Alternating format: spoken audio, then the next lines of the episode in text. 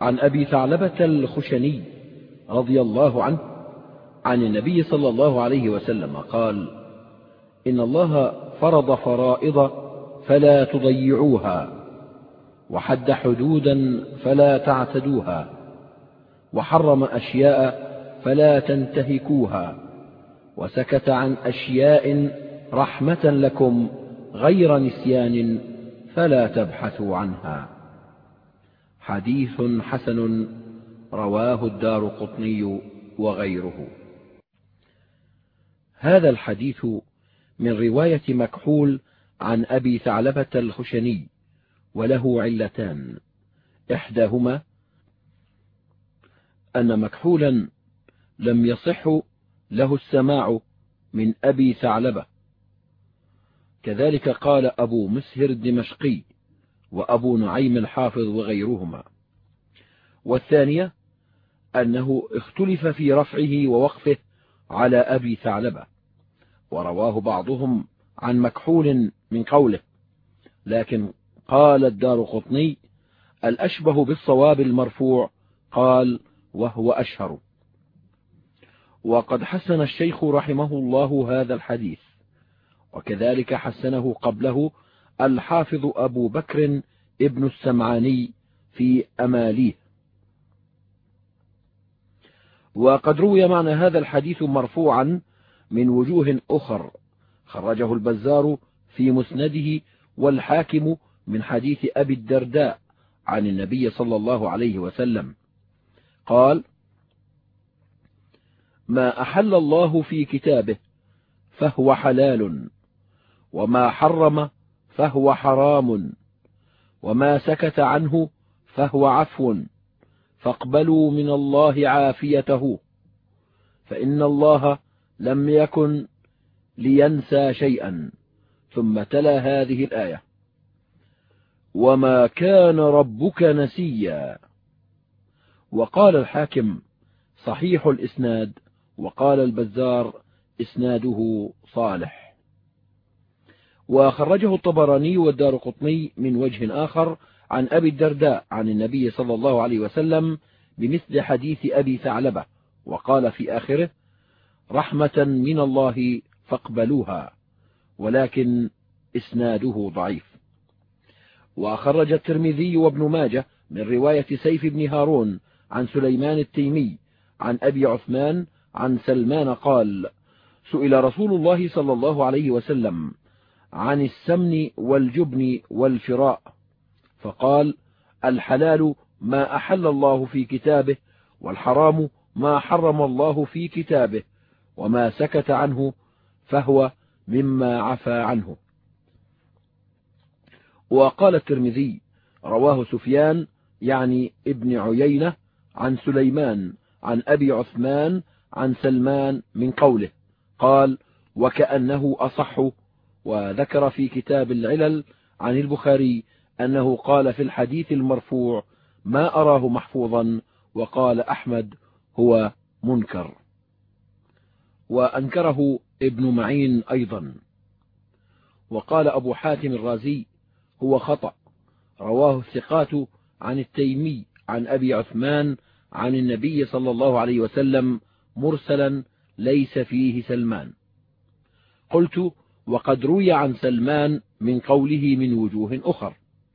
وخرجه ابن عدي من حديث ابن عمر مرفوعا وضعف إسناده. ورواه صالح المري عن الجريري عن أبي عثمان النهدي عن عائشة مرفوعا وأخطأ في إسناده. وروي عن الحسن مرسلا. وخرج أبو ب داود من حديث ابن عباس قال كان أهل الجاهلية يأكلون أشياء ويتركون أشياء تقذرا. فبعث الله نبيه صلى الله عليه وسلم وأنزل كتابه وأحل حلاله وحرم حرامه. فما أحل فهو حلال وما حرم فهو حرام وما سكت عنه فهو عفو. وتلا قل لا أجد فيما أوحي إلي محرما. الآية. وهذا موقوف. وقال عبيد بن عمير إن الله عز وجل أحل حلالا وحرم حراما.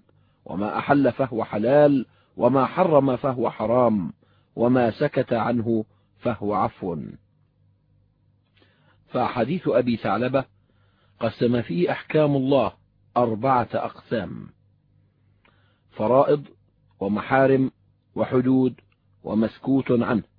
وذلك يجمع أحكام الدين كلها.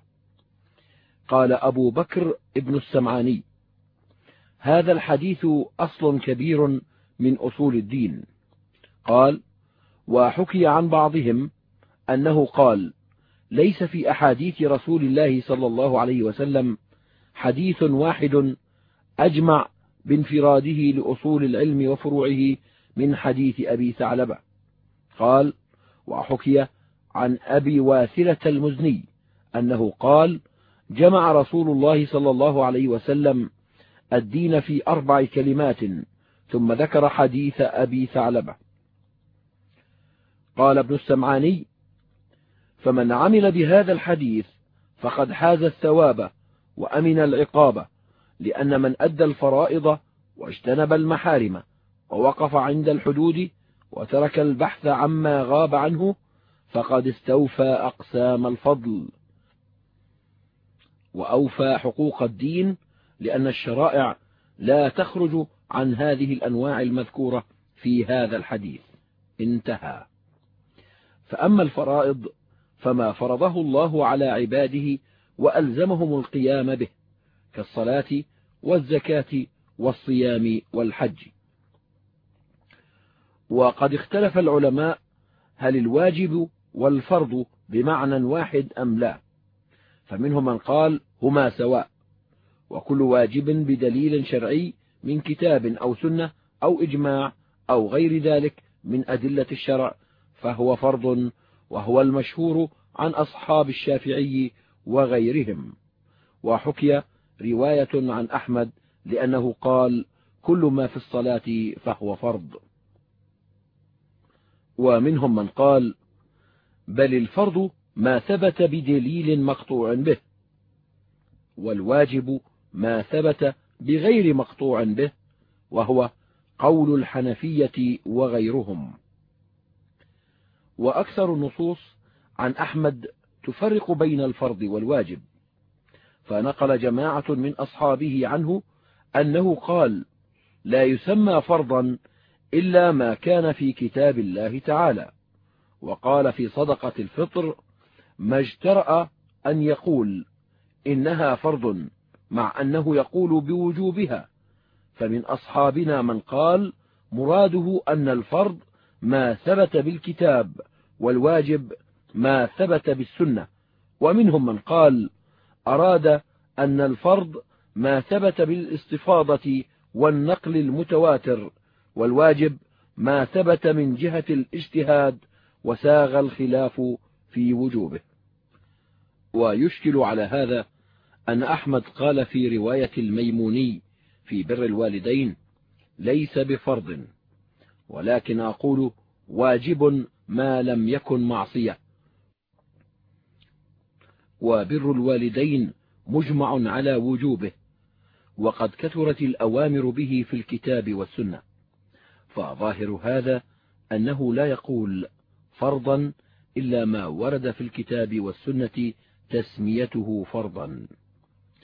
وقد اختلف السلف في الأمر بالمعروف والنهي عن المنكر هل يسمى فريضة أم لا.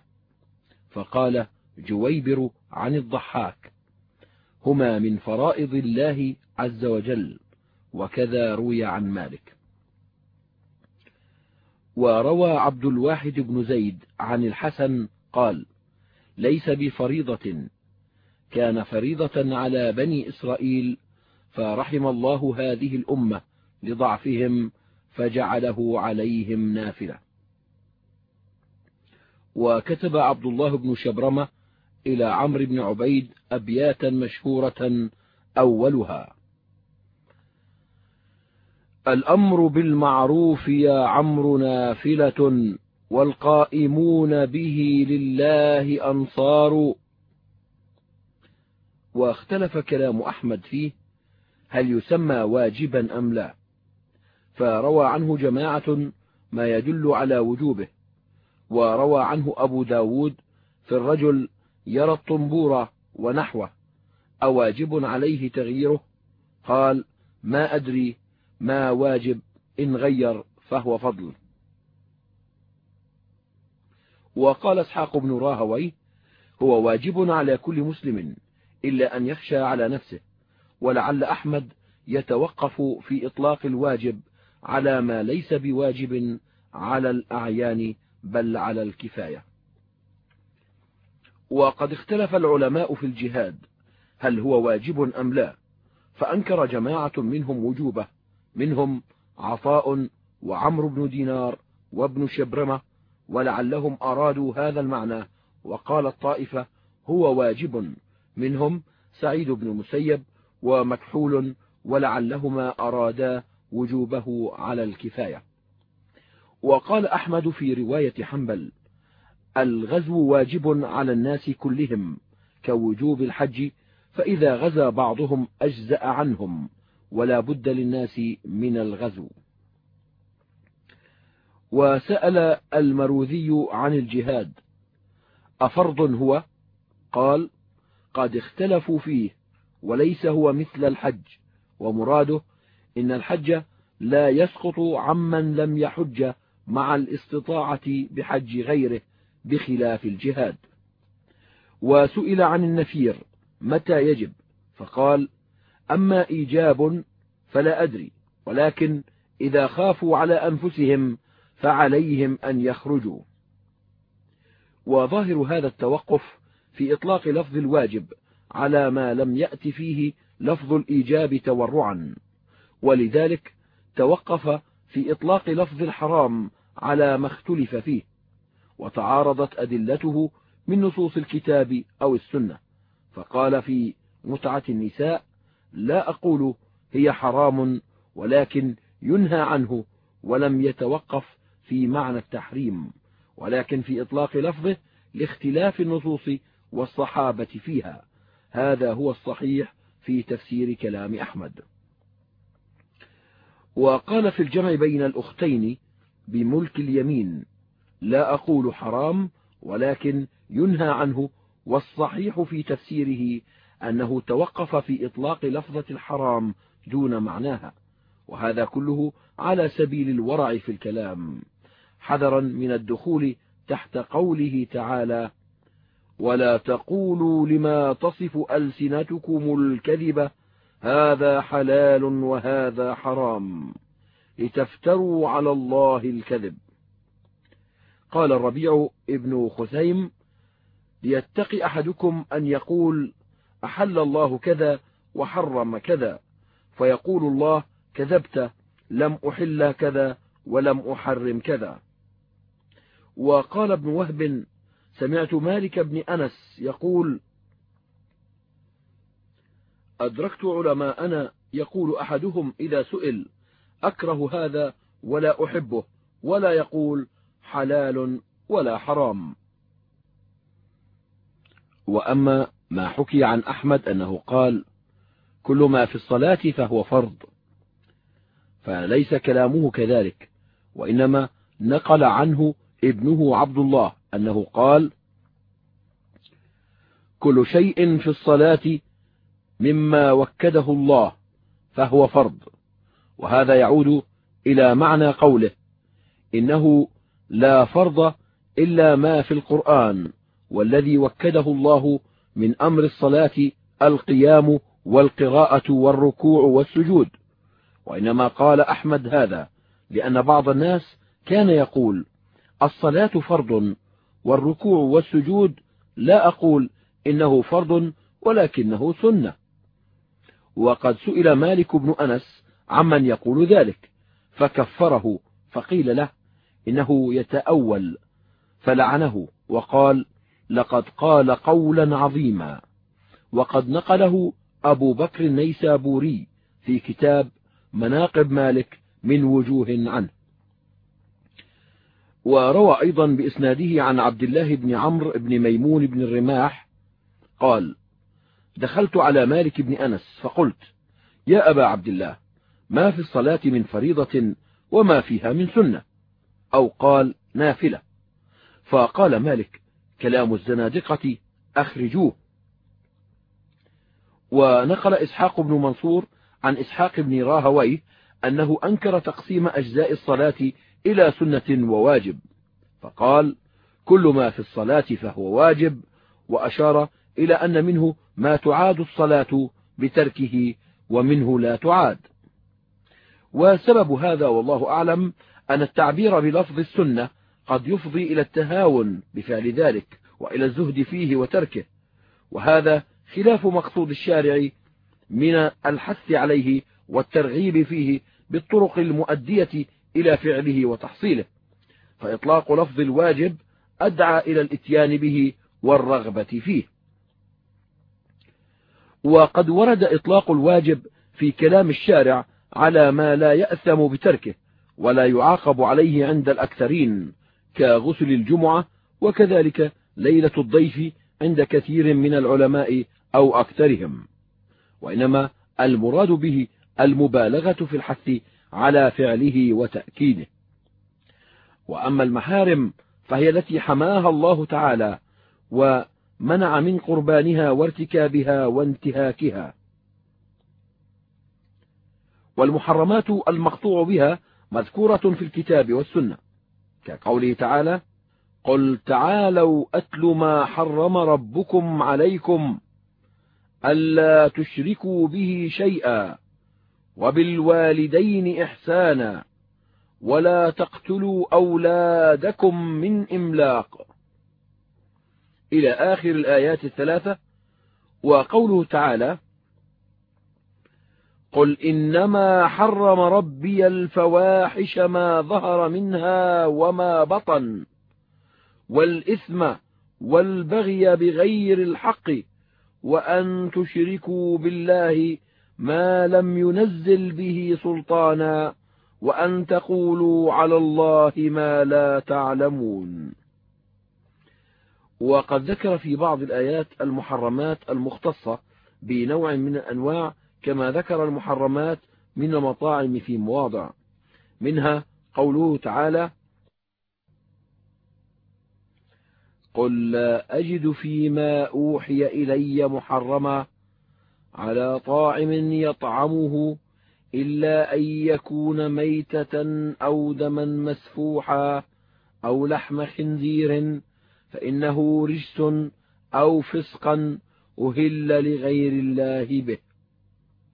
وقوله إنما حرم عليكم الميتة والدم ولحم الخنزير وما أهل به لغير الله. وفي الآية الأخرى وما أهل لغير الله به. وقوله حرمت عليكم الميتة والدم ولحم الخنزير وما أهل لغير الله به والمنخنقة والموقوذة والمتردية والنطيحة وما أكل السبع إلا ما ذكيتم وما ذبح على النصب وأن تستقسموا بالأزلام. وذكر المحرمات في النكاح في قوله حرمت عليكم أمهاتكم وبناتكم. الآية. وذكر المحرمات من المكاسب في قوله وأحل الله البيع وحرم الربا. وأما السنة ففيها ذكر كثير من المحرمات كقوله صلى الله عليه وسلم إن الله حرم بيع الخمر والميتة والخنزير والأصنام. وقوله إن الله إذا حرم شيئا حرم ثمنه. وقوله كل مسكر حرام. وقوله إن دماءكم وأموالكم وأعراضكم عليكم حرام. فما ورد التصريح بتحريمه في الكتاب والسنة فهو محرم. وقد يستفاد التحريم من النهي مع الوعيد والتشديد. كما في قوله عز وجل إنما الخمر والميسر والأنصاب والأزلام رجس من عمل الشيطان فاجتنبوه لعلكم تفلحون. إنما يريد الشيطان أن يوقع بينكم العداوة والبغضاء في الخمر والميسر ويصدكم عن ذكر الله وعن الصلاة فهل أنتم منتهون؟ وأما النهي المجرد فقد اختلف الناس هل يستفاد منه التحريم أم لا وقد روي عن ابن عمر إنكار استفادة التحريم منه. قال ابن المبارك أخبرنا سلام ابن أبي مطيع عن ابن أبي دخيلة عن أبيه قال كنت عند ابن عمر فقال نهى رسول الله صلى الله عليه وسلم عن الزبيب والتمر يعني أن يخلطا. فقال لي رجل من خلفي ما قال؟ فقلت حرم رسول الله صلى الله عليه وسلم الزبيب والتمر. فقال عبد الله بن عمر كذبت. فقلت ألم تقل نهى رسول الله صلى الله عليه وسلم عنه فهو حرام؟ فقال أنت تشهد بذاك؟ قال سلام. كأنه يقول من نهي النبي صلى الله عليه وسلم ما هو أدب.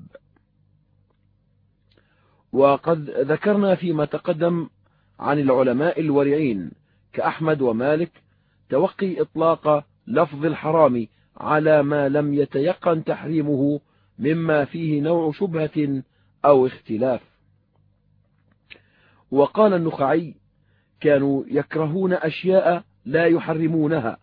وقال ابن عون قال لي مكحول ما تقول في الفاكهة تلقى بين القوم فينتهبونها. قلت إن ذلك عندنا لمكروه. قال حرام هي. قلت إن ذلك عندنا لمكروه. قال حرام هي. قال ابن عون فاستشفينا ذلك من قول مكحول. وقال جعفر بن محمد سمعت رجلا يسأل القاسم بن محمد الغناء أحرام هو؟ فسكت عنه القاسم ثم عاد فسكت عنه ثم عاد فقال له إن الحرام ما حرم في القرآن. أرأيت إذا أتي بالحق والباطل إلى الله في أيهما يكون الغناء؟ فقال الرجل في الباطل. فقال فأنت فأفت نفسك.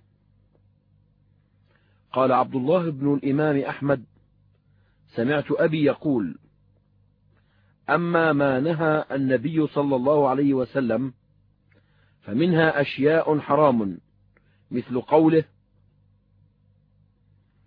نهى أن تنكح المرأة على عمتها أو على خالتها فهذا حرام. ونهى عن جلود السباع فهذا حرام وذكر أشياء من نحو هذا. ومنها أشياء نهى عنها فهي أدب. وأما حدود الله التي نهى عن اعتدائها فالمراد بها جملة ما أذن في فعله سواء أكان على طريق الوجوب أو الندب أو الإباحة واعتداؤها هو تجاوز ذلك إلى ارتكاب ما نهى عنه كما قال تعالى وتلك حدود الله ومن يتعد حدود الله فقد ظلم نفسه. والمراد من طلق على غير ما أمر الله به وأذن فيه. وقال تعالى تلك حدود الله فلا تعتدوها ومن يتعد حدود الله فأولئك هم الظالمون. والمراد من أمسك بعد أن طلق بغير معروف أو سرح بغير إحسان أو أخذ مما أعطى المرأة شيئا على غير وجه الفدية التي أذن الله فيها. وقال تعالى تلك حدود الله ومن يطع الله ورسوله يدخله جنات. إلى قوله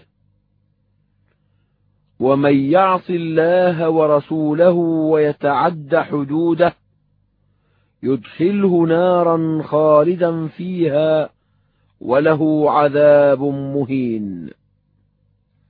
والمراد من تجاوز ما فرضه الله للورثة ففضل وارثا وزاد على حقه أو نقصه منه. ولهذا قال النبي صلى الله عليه وسلم في خطبته في حجة الوداع إن الله قد أعطى كل ذي حق حقه فلا وصية لوارث. وروى النواس ابن سمعان عن النبي صلى الله عليه وسلم قال ضرب الله مثلا صراطا مستقيما وعلى جنبتي الصراط سوران فيهما أبواب مفتحة وعلى الأبواب ستور مرخاة وعلى باب الصراط داع يقول يا أيها الناس ادخلوا الصراط جميعا ولا تعرجوا وداع يدعو من جوف الصراط فإذا أراد أن يفتح شيئا من تلك الأبواب قال ويحك لا تفتحه فإنك إن تفتحه تلجه والصراط الإسلام والسوران حدود الله والأبواب المفتحة. محارم الله وذلك الداعي على رأس الصراط كتاب الله والداعي من فوق واعظ الله في قلب كل مسلم. خرجه الإمام أحمد وهذا لفظه والنسائي في تفسيره والترمذي حسنه. فضرب النبي صلى الله عليه وسلم مثل الإسلام في هذا الحديث بصراط مستقيم وهو الطريق السهل الواسع الموصل سالكه إلى مطلوبه وهو مع هذا مستقيم لا عوج فيه. فيقتضي ذلك فيقتضي ذلك قربه وسهولته وعلى جنبتي الصراط يمنة ويسرة سوران وهما حدود الله. فكما أن السورة يمنع من كان داخله من تعديه ومجاوزته. فكذلك الإسلام يمنع من دخله من الخروج عن حدوده ومجاوزتها. وليس وراء ما حد الله من المأذون فيه إلا ما نهى عنه. ولهذا مدح سبحانه الحافظين لحدوده وذم من لا يعرف حد الحلال من الحرام كما قال تعالى الأعراب أشد كفرا ونفاقا وأجدر ألا يعلموا حدود ما أنزل الله على رسوله. وقد تقدم حديث القرآن وأنه يقول لمن عمل به حفظ حدودي ولمن لم يعمل به تعدى حدودي. والمراد أن من لم يجاوز ما أذن له فيه إلى ما نهي عنه. فقد حفظ حدود الله ومن تعدى ذلك فقد تعدى حدود الله. وقد تطلق الحدود ويراد بها نفس المحارم وحينئذ فيقال لا تقربوا حدود الله كما قال تعالى تلك حدود الله فلا تقربوها. والمراد النهي عن ارتكاب ما نهى عنه في الآية من محظورات الصيام والاعتكاف في المساجد. ومن هذا المعنى وهو تسمية المحارم حدودا قول النبي صلى الله عليه وسلم مثل القائم على حدود الله والمدهن فيها كمثل قوم اقتسموا سفينة. الحديث المشهور. وأراد بالقائم على حدود الله المنكر للمحرمات والناهي عنها. وفي حديث ابن عباس عن النبي صلى الله عليه وسلم قال إني آخذ بحجزكم اتقوا النار اتقوا الحدود قالها ثلاثا. خرجه الطبراني والبزار وأراد بالحدود محارم الله ومعاصيه ومنه قول الرجل الذي قال للنبي صلى الله عليه وسلم إني أصبت حدا فأقمه علي. وقد تسمى العقوبات المقدرة الرادعة عن المحارم المغلظة حدودا. كما يقال حد الزنا حد السرقة وحد شرب الخمر ومنه قول النبي صلى الله عليه وسلم لأسامة أتشفع في حد من حدود الله؟ يعني في القطع في السرقة. وهذا هو المعروف من اسم الحدود في اصطلاح الفقهاء. وأما قول النبي صلى الله عليه وسلم لا يجلد فوق عشر جلدات إلا في حد من حدود الله. فهذا قد اختلف الناس في معناه. فمنهم من فسر الحدود ها هنا بهذه الحدود المقدرة. وقال إن التعزيز لا يزاد على عشر جلدات ولا يزاد عليها إلا في هذه الحدود المقدرة. ومنهم من فسر الحدود ها هنا بجنس محارم الله وقال المراد أن مجاوزة العشر جلدات لا يجوز إلا في ارتكاب محرم من محارم الله. فأما ضرب التأديب على غير محرم فلا يتجاوز به عشر جلدات. وقد حمل بعضهم قوله صلى الله عليه وسلم وحد حدودا فلا تعتدوها على هذه العقوبات الزاجرة عن المحرمات. وقال المراد النهي عن تجاوز هذه الحدود وتعديها عند إقامتها على أهل الجرائم. ورجح ذلك بأنه لو كان المراد بالحدود الوقوف عند الأوامر والنواهي لكان تكريرا لقوله فرض فرائض فلا تضيعوها وحرم أشياء فلا تنتهكوها. وليس الأمر على ما قاله فإن الوقوف عند الحدود يقتضي أنه لا يخرج عما أذن فيه إلى ما نهى عنه. وذلك أعم من كون المأذون فيه فرضا أو ندبا أو مباحا كما تقدم. وحينئذ فلا تكرير في الحديث والله أعلم. وأما المسكوت عنه فهو ما لم يذكر حكمه بتحليل ولا إيجاب ولا تحريم فيكون معفوا عنه. لا حرج على فاعله وعلى هذا دلت هذه الأحاديث المذكورة ها هنا كحديث أبي ثعلبة وغيره. وقد اختلفت ألفاظ حديث أبي ثعلبة فروي باللفظ المتقدم وروي بلفظ آخر وهو إن الله فرض فرائض فلا تضيعوها ونهاكم عن أشياء فلا تنتهكوها وعفى عن أشياء من غير نسيان فلا تبحثوا عنها. خرجه إسحاق بن راهويه وروي بلفظ آخر وهو إن الله فرض فرائض فلا تضيعوها وسن لكم سننا فلا تنتهكوها وحرم عليكم أشياء فلا تعتدوها وترك بين ذلك أشياء من غير نسيان رحمة منه فاقبلوها ولا تبحثوا عنها. خرجه الطبراني. وهذه الرواية تبين أن المعفو عنه ما ترك ذكره فلم يحرم ولم يحلل. ولكن مما ينبغي أن يعلم أن ذكر الشيء بالتحريم والتحليل مما قد يخفى فهمه من نصوص الكتاب والسنة فإن دلالة هذه النصوص قد تكون بطريق النص والتصريح وقد تكون بطريق العموم والشمول وقد تكون دلالته بطريق الفحوى والتنبيه كما في قوله تعالى فلا تقل لهما أف فإن دخول ما هو أعظم من التأفيف من أنواع الأذى يكون بطريق الأولى ويسمى ذلك مفهوم الموافقة.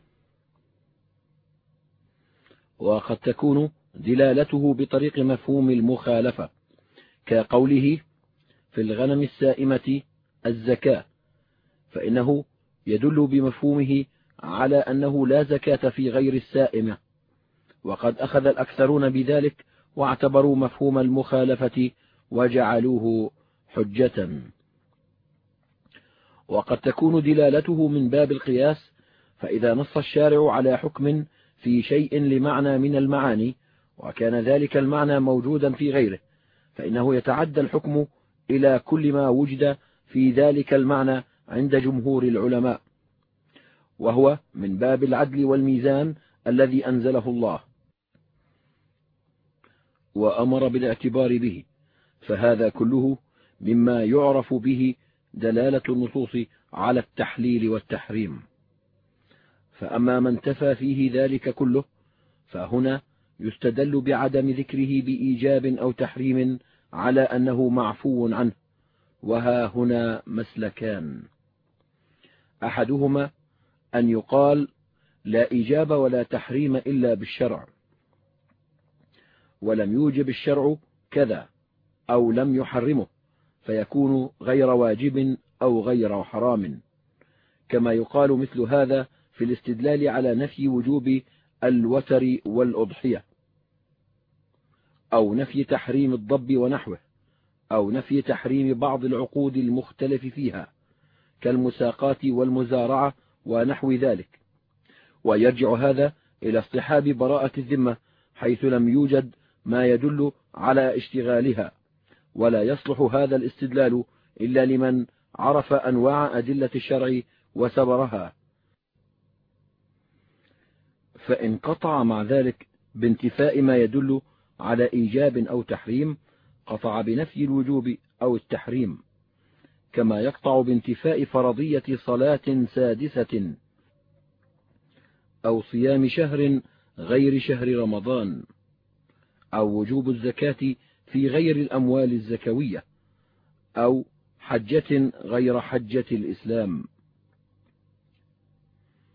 وإن كان هذا كله يستدل عليه بنصوص مصرحة بذلك وإن ظن انتفاء ما يدل على إيجاب أو تحريم ظن انتفاء الوجوب والتحريم من غير قطع. والمسلك الثاني أن يذكر من أدلة الشرع العامة ما يدل على أن ما لم يوجبه الشرع ولم يحرمه فإنه معفو عنه. كحديث أبي ثعلبة هذا وما في معناه من الأحاديث المذكورة معه. ومثل قوله صلى الله عليه وسلم لما سئل عن الحج أفي كل عام؟ فقال ذروني ما تركتكم فإنما هلك من كان قبلكم بكثرة سؤالهم واختلافهم على أنبيائهم. فإذا نهيتكم عن شيء فاجتنبوه وإذا أمرتكم بأمر فأتوا منه ما استطعتم. ومثل قوله صلى الله عليه وسلم في حديث سعد بن أبي وقاص إن أعظم المسلمين في المسلمين جرما من سأل عن شيء لم يحرم فحرم من أجل مسألته. وقد دل القرآن على مثل هذا أيضا في مواضع كقوله عز وجل قل لا أجد فيما أوحي إلي محرما على طاعم يطعمه إلا أن يكون ميتة. الآية. فإن هذا يدل على أن ما لم يجد تحريمه فليس بمحرم وكذلك قوله وما لكم ألا تأكلوا مما ذكر اسم الله عليه وقد فصل لكم ما حرم عليكم إلا ما اضطررتم إليه. فعنفهم على ترك الأكل مما ذكر اسم الله عليه معللا بأنه قد بين لهم الحرام وهذا ليس منه فدل على أن الأشياء على الإباحة. وإلا لما ألحق اللوم بمن امتنع من الأكل مما لم ينص له على حله بمجرد كونه لم ينص على تحريمه. واعلم أن هذه المسألة غير مسألة حكم الأعيان قبل ورود الشرع. هل هو الحظر أو الإباحة أو لا حكم فيها. فإن تلك المسألة مفروضة فيما قبل ورود الشرع فأما بعد وروده فقد دلت هذه النصوص وأشباهها على أن حكم ذاك الأصل زال واستقر أن الأصل في الأشياء الإباحة بأدلة الشرع. وقد حكى بعضهم الإجماع على ذلك وغلطوا من سوى بين المسألتين وجعل حكمهما واحدا. وكلام الإمام أحمد يدل على أن ما لا يدخل في نصوص التحريم فإنه معفو عنه.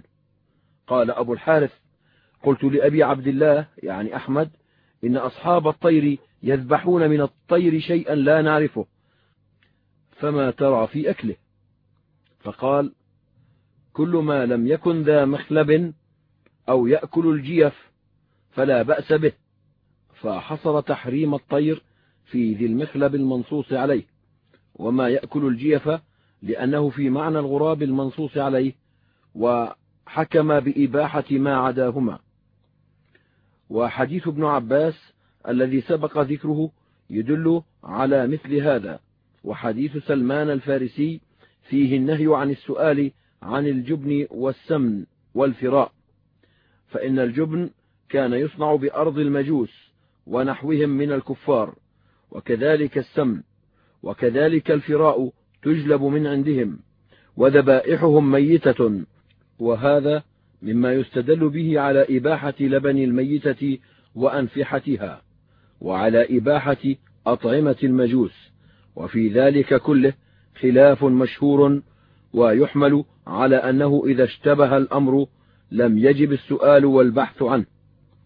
كما قال ابن عمر لما سئل عن الجبن الذي يصنعه المجوس فقال ما وجدته في سوق المسلمين اشتريته ولم أسأل عنه. وذكر عند عمر الجبن وقيل له إنه يصنع بأنافح الميتة. فقال سموا الله وكلوا. قال الإمام أحمد أصح حديث فيه هذا الحديث يعني جبن المجوس. وقد روي من حديث ابن عباس أن النبي صلى الله عليه وسلم أتي بجبنة في غزوة الطائف فقال أين تصنع هذه؟ قالوا بفارس. فقال صلى الله عليه وسلم ضعوا فيها السكين واقطعوا واذكروا اسم الله وكلوا. خرجه الإمام أحمد وسئل عنه. فقال هو حديث منكر وكذا قال أبو حاتم الرازي. وخرج أبو داود معناه من حديث ابن عمر إلا أنه قال في غزوة تبوك وقال أبو حاتم هو منكر أيضا. وخرجه عبد الرزاق في كتابه مرسلا وهو أشبه وعنده زيادة وهي أنه قيل له يا رسول الله نخشى أن تكون ميتة. قال سموا عليه وكلوه. وخرج الطبراني معناه من حديث ميمونة وإسناده جيد لكنه غريب جدا. وفي صحيح البخاري عن عائشة أن قوما قالوا للنبي صلى الله عليه وسلم إن قوما يأتوننا باللحم لا ندري أذكر اسم الله عليه أم لا. فقال سموا عليه أنتم وكلوا. قالت وكانوا حديثي عهد بالكفر. وفي مسند الإمام أحمد عن الحسن أن عمر أراد أن ينهى عن حلل الحبرة لأنها تصبغ بالبول. فقال له أبي ليس ذلك لك. قد لبسهن النبي صلى الله عليه وسلم ولبسناهن في عهده. وخرجه الخلال من وجه آخر وعنده أن أبيا قال له يا أمير المؤمنين قد لبسها نبي الله صلى الله عليه وسلم ورأى الله مكانها ولو علم الله أنها حرام لنهى عنها فقال صدقت.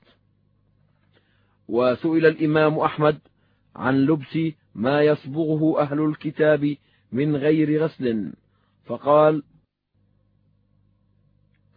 لم تسأل عما لا تعلم. لم يزل الناس منذ أدركناهم لا ينكرون ذلك. وسئل عن يهود يصبغون بالبول فقال المسلم والكافر في هذا سواء ولا تسأل عن هذا ولا تبحث عنه. وقال إذا علمت أنه لا محالة يصبغ بشيء من البول وصح عندك فلا تصلي فيه حتى تغسله.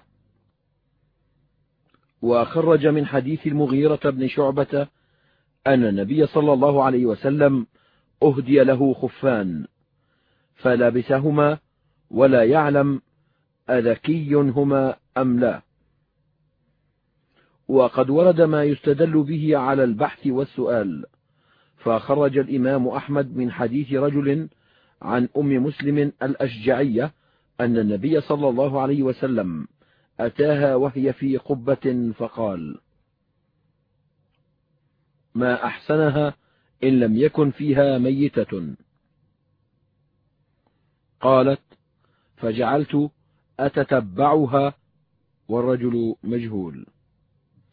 وخرج الأثرم بإسناده عن زيد بن وهب قال أتانا كتاب عمر بأذربيجان إنكم بأرض فيها الميتة فلا تلبسوا من الفراء حتى تعلموا حله من حرامه.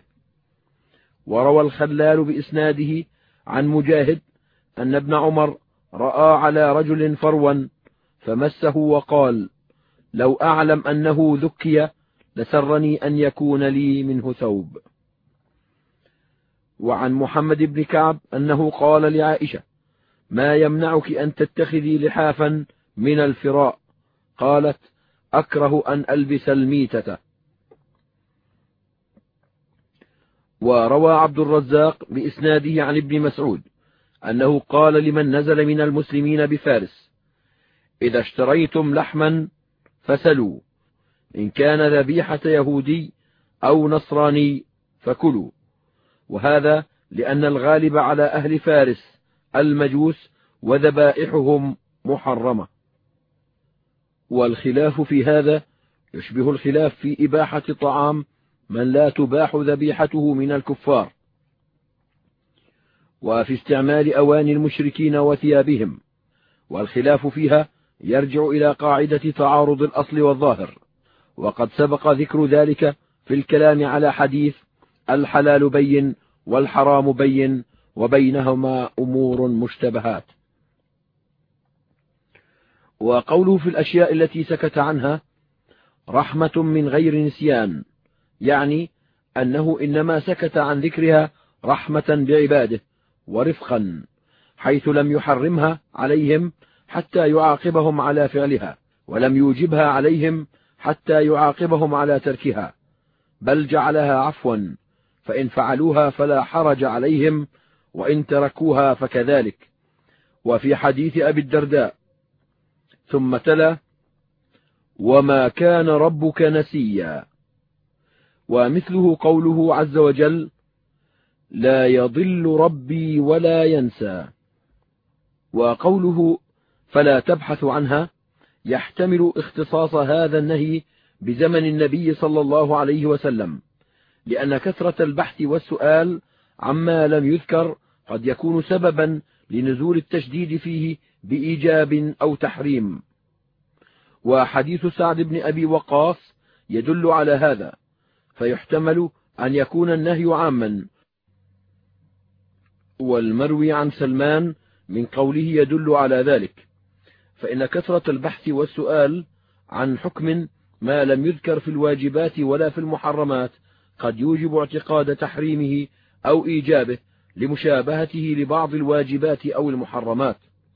فقبول العافية فيه وترك البحث والسؤال عنه خير وقد يدخل ذلك في قول النبي صلى الله عليه وسلم هلك المتنطعون. قالها ثلاثا. خرجه مسلم من حديث ابن مسعود مرفوعا والمتنطع هو المتعمق البحاث عما لا يعنيه وهذا قد يتمسك به من يتعلق بظاهر اللفظ وينفي المعاني والقياس كالظاهرية. والتحقيق في هذا المقام والله أعلم أن البحث عما لم يوجد فيه نص خاص أو عام على قسمين.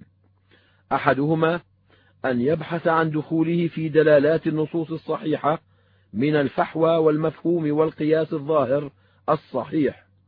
فهذا حق وهو ما يتعين فعله على المجتهدين في معرفة الأحكام الشرعية.